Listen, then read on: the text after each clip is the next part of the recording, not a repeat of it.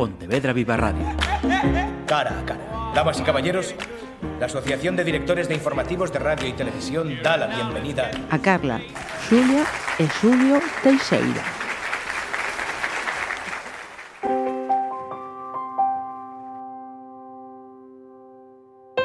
Nota da autor. Este é un libro de futuros.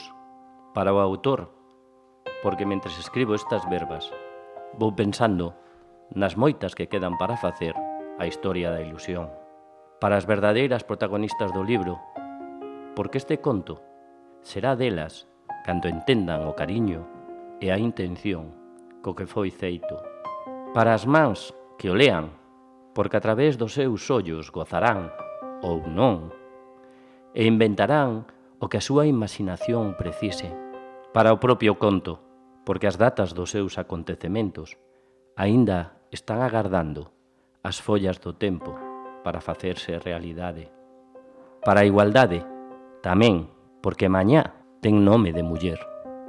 E para o propio futuro, porque imaginando é quen de se converter en presente.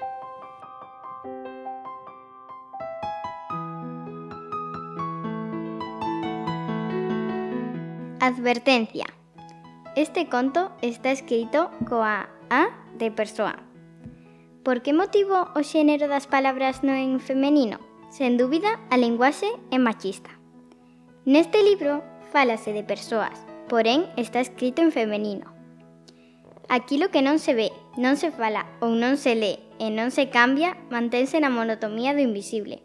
Facer visible a discriminación de xénero mediante a linguaxe é un intento de seren persoas máis xustas. Non se trata de escribir en femenino por oposición ao masculino. Trátase de igualar a todas as persoas nun concepto integrador e de darlle un espazo a reflexión. Porque o futuro só se pode medrar na igualdade das persoas. Este libro está escrito para que as persoas que o lean se decaten de que esa igualdade tamén está no uso das verbas. Confío en que esta pequena explicación sexa suficiente para comprender que esta historia de futuros é unha aventura de todas as persoas que desexamos que as nosas fillas teñan de xeito real e efectivo os mesmos dereitos que nosos fillos e que vivan nunha sociedade máis xusta en igualdade.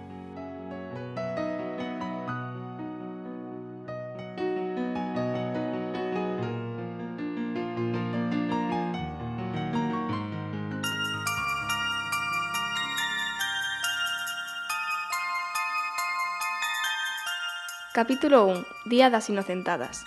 Hoxe é 28 de decembro e é o Día das Inocentadas. Diz que nesta data se poden facer algunhas falcaturadas. Colgar bonecas de Babel nas costas de persoas supostamente incautas, botar fariña xente nas rúas ou xogar a enganar as amigas con certas mentiras bondadosas. E todo elo sen que ninguén se enfade, ou case ninguén. Hai exactamente nove anos, un pai foi quen desenfurruñar porque ninguén lle cría que as 13 horas dese mesmo día do calendario nacer a súa primeira filla. Cando deu a coñecer dito novidoso acontecemento, a súa familia e as súas amizades pensaban que estaba brincando e que quería gastarles unha inocentada. Non lle fixeron o máis mínimo caso. Ninguén cría o conto do nacemento e non lle daban os parabéns que agardaba. E o pai ficou anoxado. Así que, para mostrar que era verdade, non lle deu máis remedio que seguir o consello da nai e enviar unha foto do parte por WhatsApp. E comenzaron os parabéns. Leticia, nacer a súa inocente filla cun peso de 3,660 kg de amor eterno no ano chino do boi. Xulia,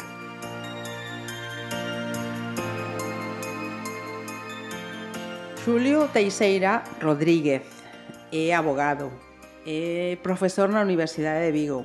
Ten publicados libros sobre a súa especialidade, o dereito, E tamén outro título de poesía. E o último, a súa primeira novela, Os números viaxeiros. Está acompañado aquí neste cara a cara mm, das súas fillas, Xulia e Carla Teixeira Rei. Xulia ten 13 anos, estudia, estuda terceiro da ESO no Valle Inclán e Carla, 10 aniños, estuda quinto de primaria no Álvarez Limeses. Así que o primeiro de todo, teño que dar a benvida os tres e as grazas por estar aquí con nos hoxe. Grazas a vos por recibirnos aquí na, na radio de Pontevedra Viva, gracias. Teño moitas ganas de comenzar a falar, porque Carla está xa cos ollos abertísimos, expectante, a ver que imos falar. Xa estás acostumada a falar en público, non? Bueno, máis ou menos. Sí, Tes moita soltura, sei non. Eh, o primeiro, Unha pregunta para papá, vale? Imos falar da historia de os números viaxeiros, pero antes, cal é a historia desta novela antes de comezar a, a escribila?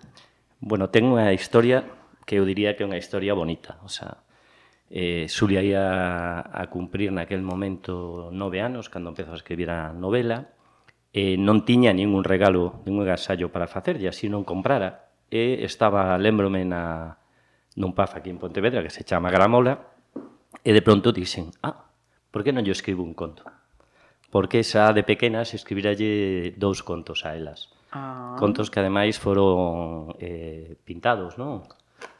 Por, posteriormente polas dúas aboas que son pintoras. Ah interesante. Entón, con iso, púxeme na propia gramola a escribir no móvil o inicio dun conto. Pero despois cheguei a casa, que era tarde xa, estamos a falar de... Das, bueno, non sei se decir, que non queda moi ben, sobre as 5 da mañá, e fun á cociña a tomar algo.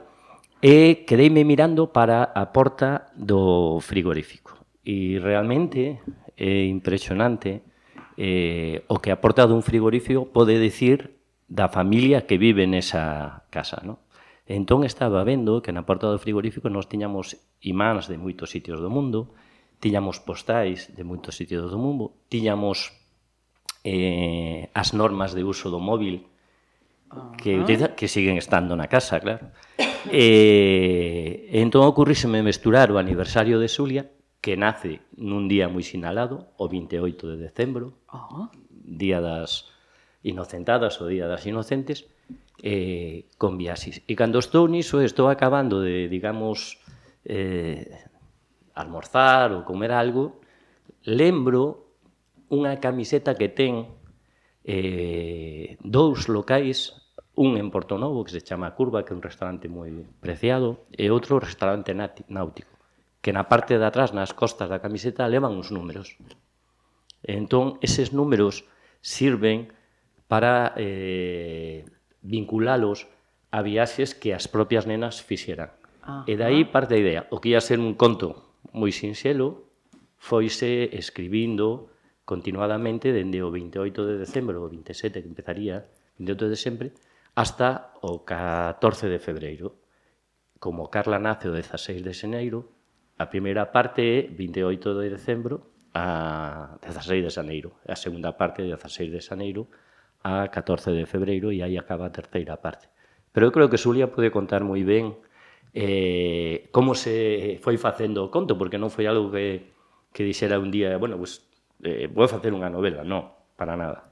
Veña, Xulia. Um, pois, el íanos eh, deixando na cama ou ao volver de clase, pois, em, unhas partes eh, do capítulo ou o capítulo enteiro.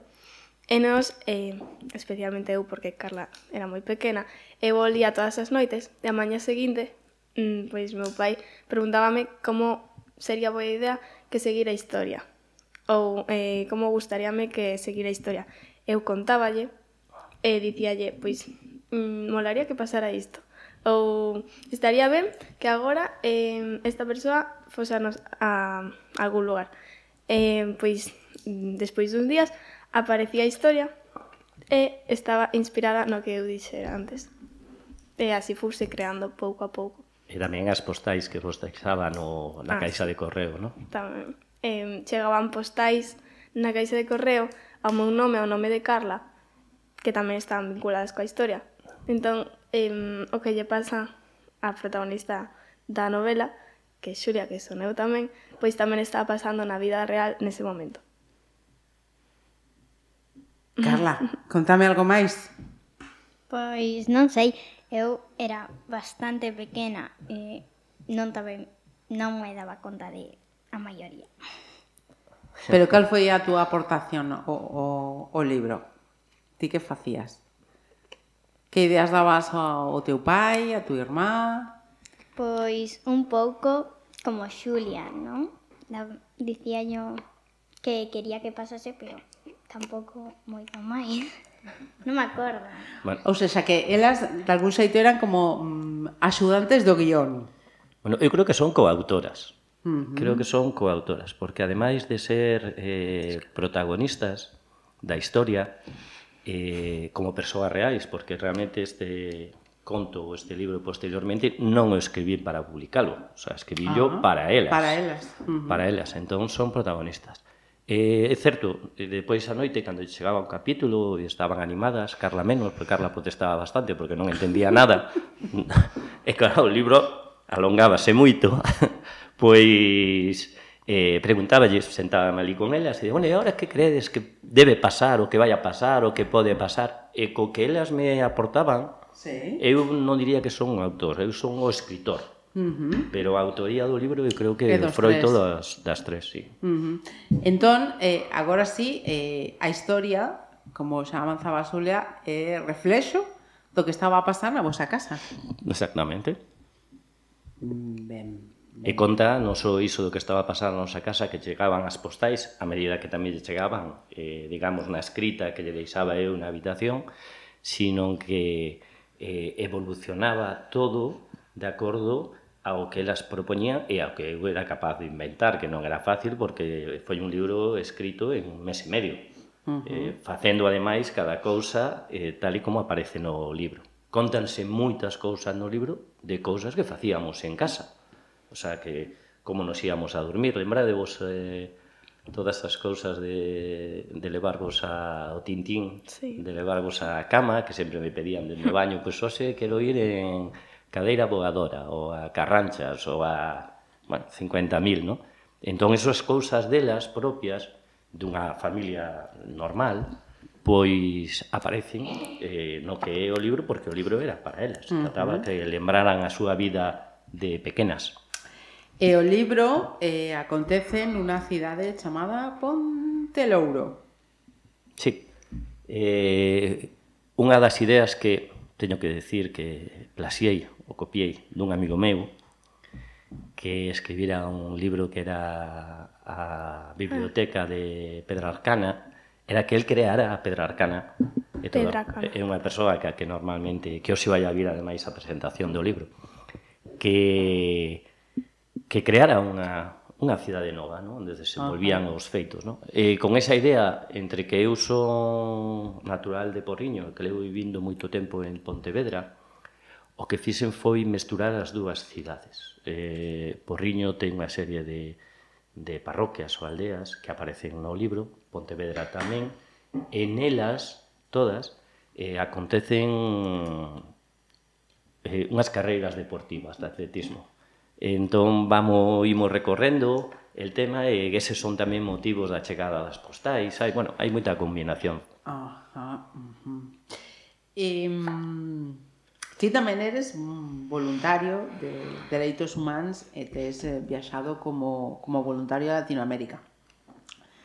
Um, cal é a tua aprendizaxe nesa, nesa experiencia que creo que tamén eh, reflicte este, este libro?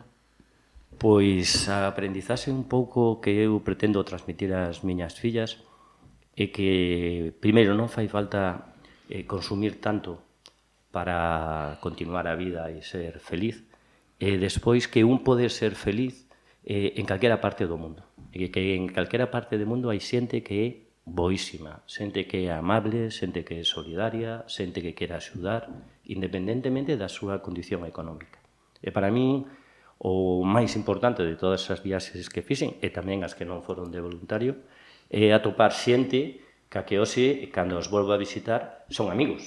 O sea, non é cuestión disso. Pois, nunha época estiven axudándolles nalgúna labor xurídica, sobre todo a grupos de organizacións de dereitos humanos, pero o que deixei neses sitios foron eh, persoas que, polas que teño un sentimento de cariño, en moitos casos de, de amor, uh -huh. e que marca iso, digamos, é unha especie de que un vai con unha idea e volve moito máis cheo do, do que, que foi. do que foi que iso é algo eh, sublime no? Na, na condición humana. Uh -huh. eh, esa é unha riqueza importantísima, unha riqueza que tamén compartes eh, con elas. Eu antes de, de abrir os micrófonos eh, preguntaba, eh, deses viaxes como voluntario estabas acompañado das fillas? No, posteriormente eh, viaxas a moitísimos lugares elas eh, comparten esas viaxes que é un tesouro tremendo sendo xa tan, tan nenas. Sí, son, como digo eu moitas veces, unhas nenas afortunadas, porque teñen a posibilidade eh, non só de poder eh, viaxar, que implica tamén un desembolso económico, sino de ter eh, a nai ou pai amigos en moitas partes do, do mundo. No? Eh, estivemos en Asia, pois, por exemplo, en, en Hong Kong, pasando o fin de ano, porque estaba ali un meu irmão, estivemos en Filipinas, estivemos en Sudáfrica, en Namibia, en República Dominicana, ainda que Carla non se, non se lembra. Non lembra. é o seu destino favorito. Estivemos moito en Marruecos. Quero dicir que o que se trata un pouco é de abrirlle os ollos, o sea, non eh, cuestionar as culturas sen coñecelas, porque en todas elas, sexan da religión que sexan, sean políticamente como sexan, hai persoas. E esas persoas teñen as mesmas eh, necesidades que temos nós aquí. E vou coñecer iso para valorar o diferente ao nos. Eu creo que o respeto o diferente, o respeto ás outras persoas que temos no mundo é unha das aprendizaxes que me gustaría que as miñas fillas eh, tiveran dentro o, o día de mañá. No? Uh -huh. Eu creo que vai ser así, Xulia é unha, unha fantástica a nivel de compromiso eh, social, de valores, e eh, Carla tamén. Apunta maneiras tamén. Sí, por iso. eh, creo que é moi importante. E eh, o feito tamén de ter familia fora, de poder viaxar a países que non irías nunca. Uh -huh. Pois eh, axuda a que elas tamén abran os ollos. Quizás non tanto agora, pero seguramente pero no futuro... Pero é un bagaxe importantísimo para o día de mañá. Xulia e Carla, de, deses eh, viaxes que está a falar eh, papá, que lembrades, así como, uf, o que máis eh, me gustou foi o que fixemos a onde? Mm, pois a mí gustame moito ir a Namibia, porque Ajá. eu fun o ano pasado todo xuño, si no, eh, todo xuño, e fun ali a clases co, co fillo dun amigo do meu pai, que se chama Malacai, Eh, e fomos ali as clases. Em, ao principio non me gustaba porque quería volver a, a casa, pero despois comezoume a gustar.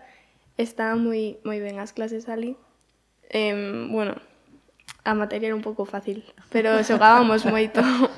em, e pois eu recordo con moito cariño na mi. E eh, tamén fomos moitas veces ali, entón non sempre fomos para ir a clase. Uh -huh. Ali fomos pois, para aprender inglés, pero tamén fomos outras veces ah, unha vez que fomos, fomos a facer tamén unha ruta por mm, partes de África e fomos á cidade do Cabo e ali gustoume moito tamén. Ajá. Ou xa que tes eh, amigos polo mundo adiante. Ai, bueno, non sei, non sei. Sí, non? A ver, en Namibia, mmm, A lo menos en Namibia. Sí. Bueno, eu estou asombrado de que dixera Namibia e non sí. dixera de golpe Punta Cana. Eh? Tamén. Cello, claro. Tamén, que eu quero volver a Punta Cana. Ben, ben. E ti, Carla, contame. Eh, pois, moitos dos sitios así, como Hong Kong e todos, eu era bastante pequena, como a Namibia fomos moitas veces, non? Ao longo dos anos, pois, eu creo que é o que máis recordo é o que máis me gustou. Vale. E ti tes amigos tamén por aí polo mundo adiante? Sí. Po. Sí. Mm? Sí. Seguro, seguro que sí. Non teño dúbida alguna. Eh, hai unha pregunta que tamén está mm, neste libro viaxeiro. Eh, onde está o meu mundo? Eu teño claro. Non sei se as miñas fillas teñen no tan claro. Eu creo que o mundo de cada quen está onde están as persoas que lle queren e as que ela quere.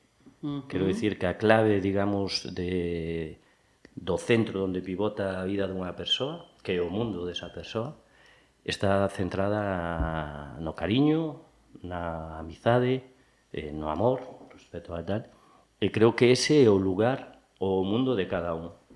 E creo que eso é o máis importante. Eso pode desenvolverse pois en Pontevedra, en Porriño, en Namibia ou en outro lado. Pero ten que estar rodeado un de persoas as que quere e persoas que o queiran. Uh -huh. E, e para ti, Xulia, onde está o teu mundo? Pois, o meu mundo está coa miña familia, cos meus amigos, cos meus mm, profesores, porque paso a maior parte do día con eles. É verdade, toda mañá. eh, Pois mm, eu paso moi ben cos meus amigos. Mm, pois toda a mañá estou con eles en clase. Uh -huh. eh, non estamos xogando, estamos en clase, pero estou con eles. E despois moitas tardes. E tamén eh, paso moito tempo na Academia de Ballet, porque fago ballet en cas miñas, coas miñas compañeiras de ballet, coas miñas profesoras de ballet. Mm, paso moito tempo con elas. E, pois eu creo que aí está o mundo. Ajá. E o de Carla? Ti faz eh, baile moderno, creo que sí. mirara. Vale. Na Academia de Ballet, entón, eh, onde está onde está tamén? Onde hai máis anaquiños do teu mundo? Pois tamén como Xulia, no colexio, cos meus amigas eh, e na casa cos meus a, mm-hmm. a miña familia. Ajá. Mira, eh, teño por aquí unha cousiña mm, para preguntar, unha, unha dúbida.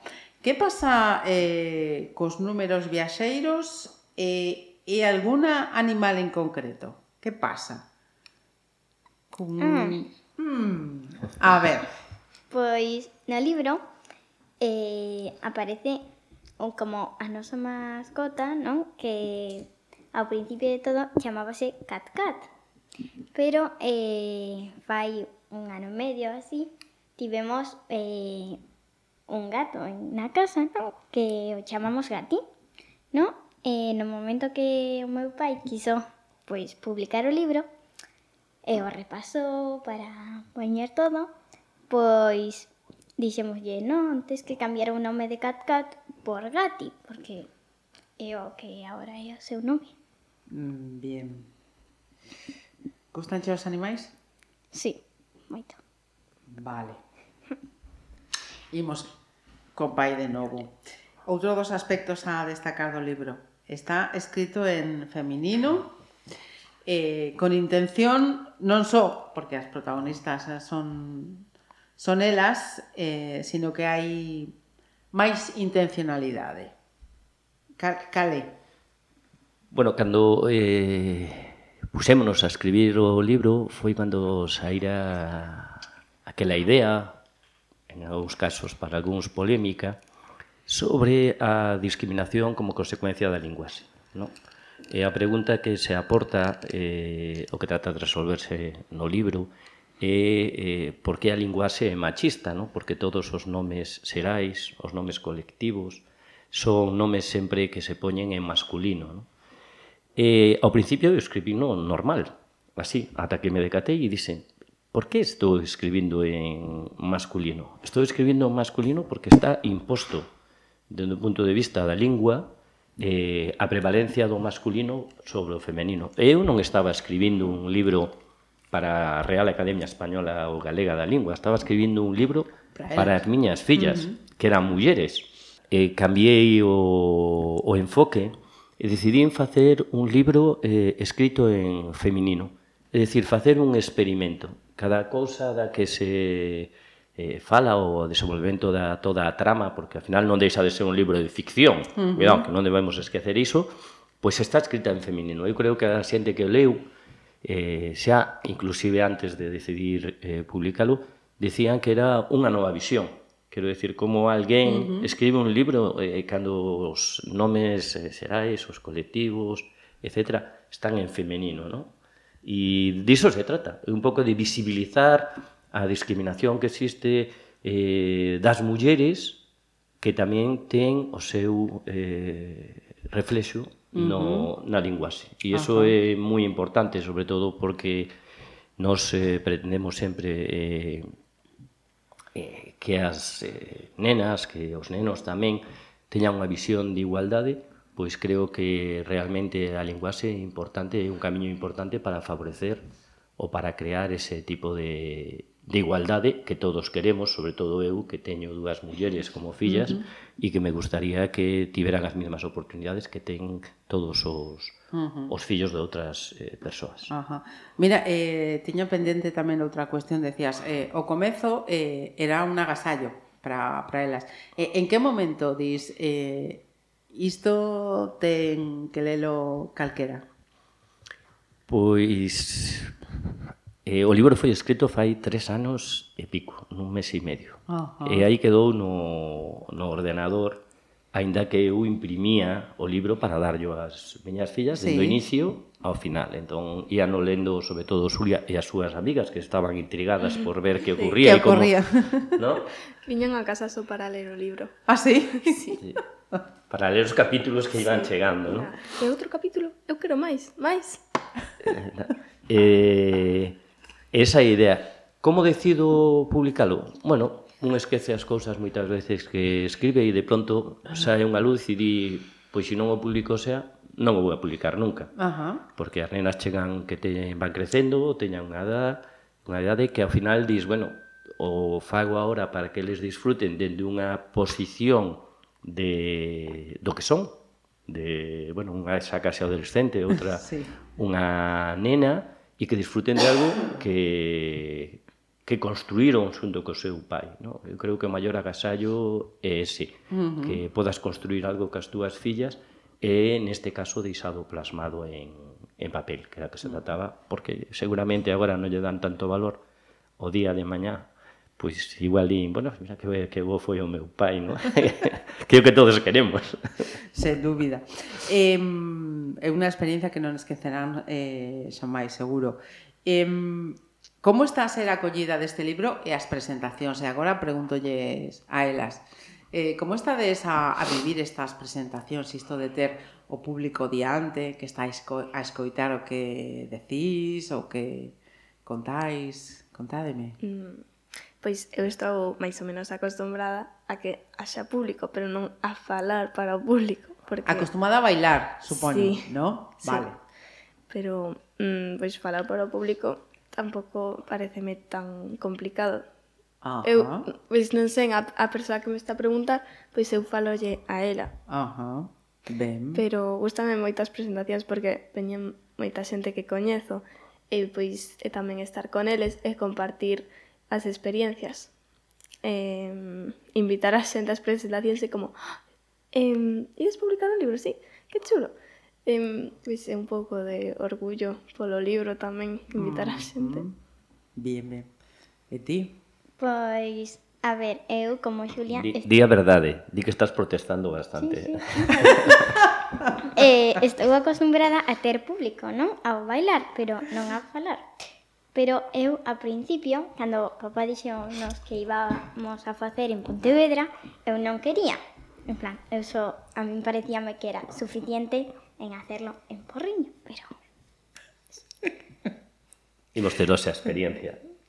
Estás encantada, Carla. Tienes mm, una soltura tremenda. Tremenda. Antes, eh, ingenua de mí, preguntaba, con esa soltura que ten, se lle pregunto que vai ser de maior, vai dicir eh, algo vencellado coa comunicación. E non! E non!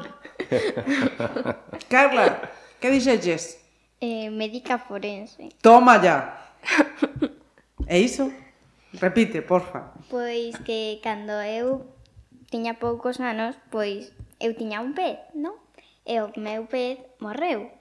Entón a miña nai, como de broma, díxome, pois temos que leválo a forense. Entón eu, pregun eu pregunteille, pero que iso, tal? Entón explicoume e desde entón quero ser forense. Ajá. Xulia non o ten tan claro aínda. Pero quizáis eh, o, o describir de tamén. Gustache, poderíais, non, non. Sí. Non sabemos. A ver, gustame, pero Es que eh, hai moita influencia por aí nesta familia, Miro. No. O voluntariado. Ver, eu... eh, perdón, dime, dime, Xulia. Um, eu, cando era máis pequena, cantos anos tiña? Como 11 ou así. Sí. Pois eh, gañei o premio de... Rela... Bueno, quedei finalista no relato curto, o sexto, creo. Em, pois derome un premio e un diploma na miña categoría. Eh, pois eu escribín que se chamaba eh, a vida das palabras. Sí. Ah. Pero xa non me lembro moito. E despois pois teño feito así comenzar algunha algunha historia e eh, moitos relatos para clase que pareceme que están ben, pero que son para clase. Bueno, nu nunca se sabe, verdad? eh, Exactamente.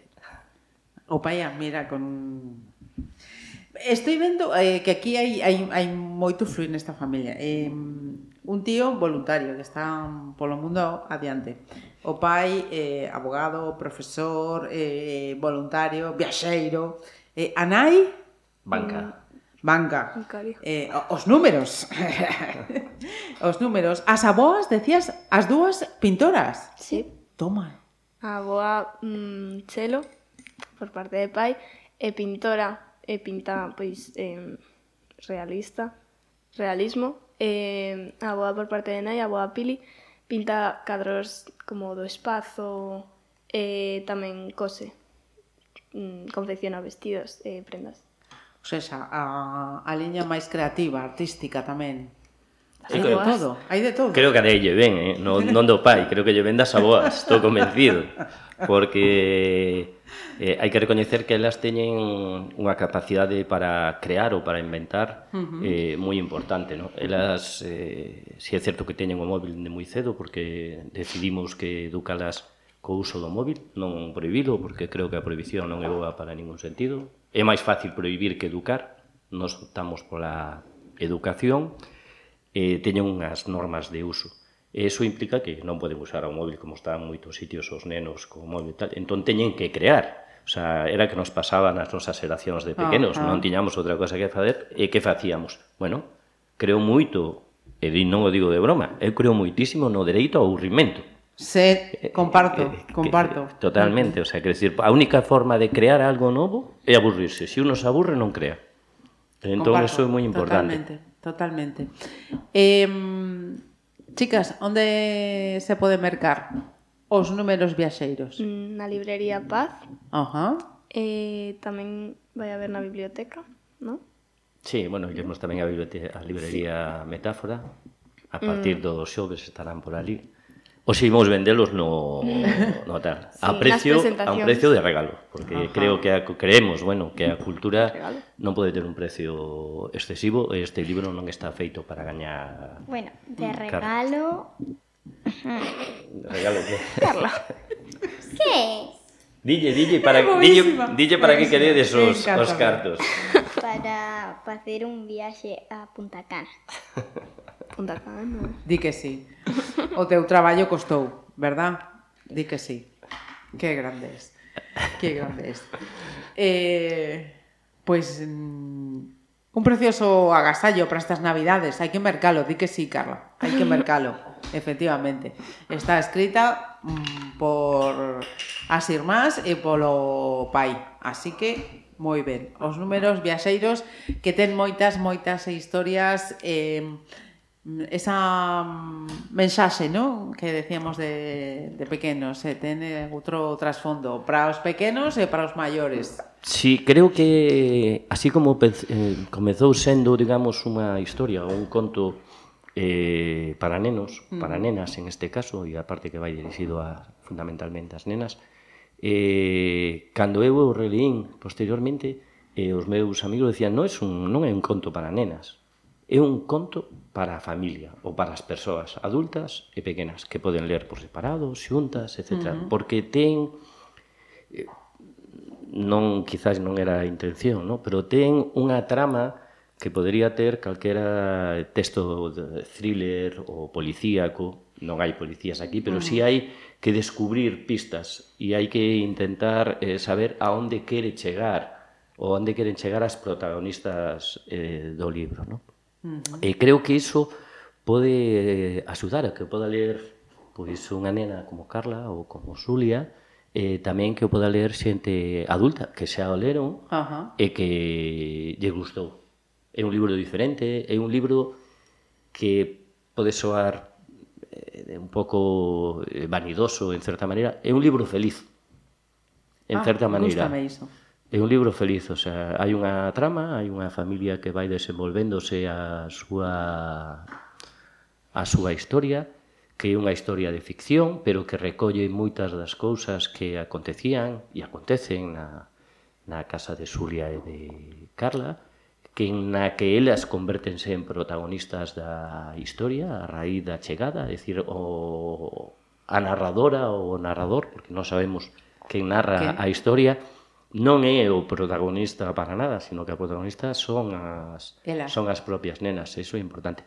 Que tamén me gustaría dicir, aproveitando que estamos aquí, que é curioso, é curioso que podamos xuntar, igual que fixemos na anterior eh, presentación, no mesmo espacio e na mesma mesa de presentación a o escritor e as dúas protagonistas do libro. Uh -huh. Quero dicir, eso non ocorre nunca. Sí, habitualmente, non, non, non, non, no, que va, que va. E que as tres persoas que están ali se san autoras dese libro un máis eh, manualmente, por así decirlo, e outras ideolóxicamente, ¿no? Uh -huh. E creo que iso é, é bonito, facelo con unha coas persoas que ti educas ou creas ou que intentas eh, mellorar, creo que é un elemento importante. E despois, xa para rematar, que xa me estou estendendo moito. No, por favor. Eh, é un libro de valores. Ajá. É un libro de valores, un libro onde funciona moi ben todo o tema da igualdade,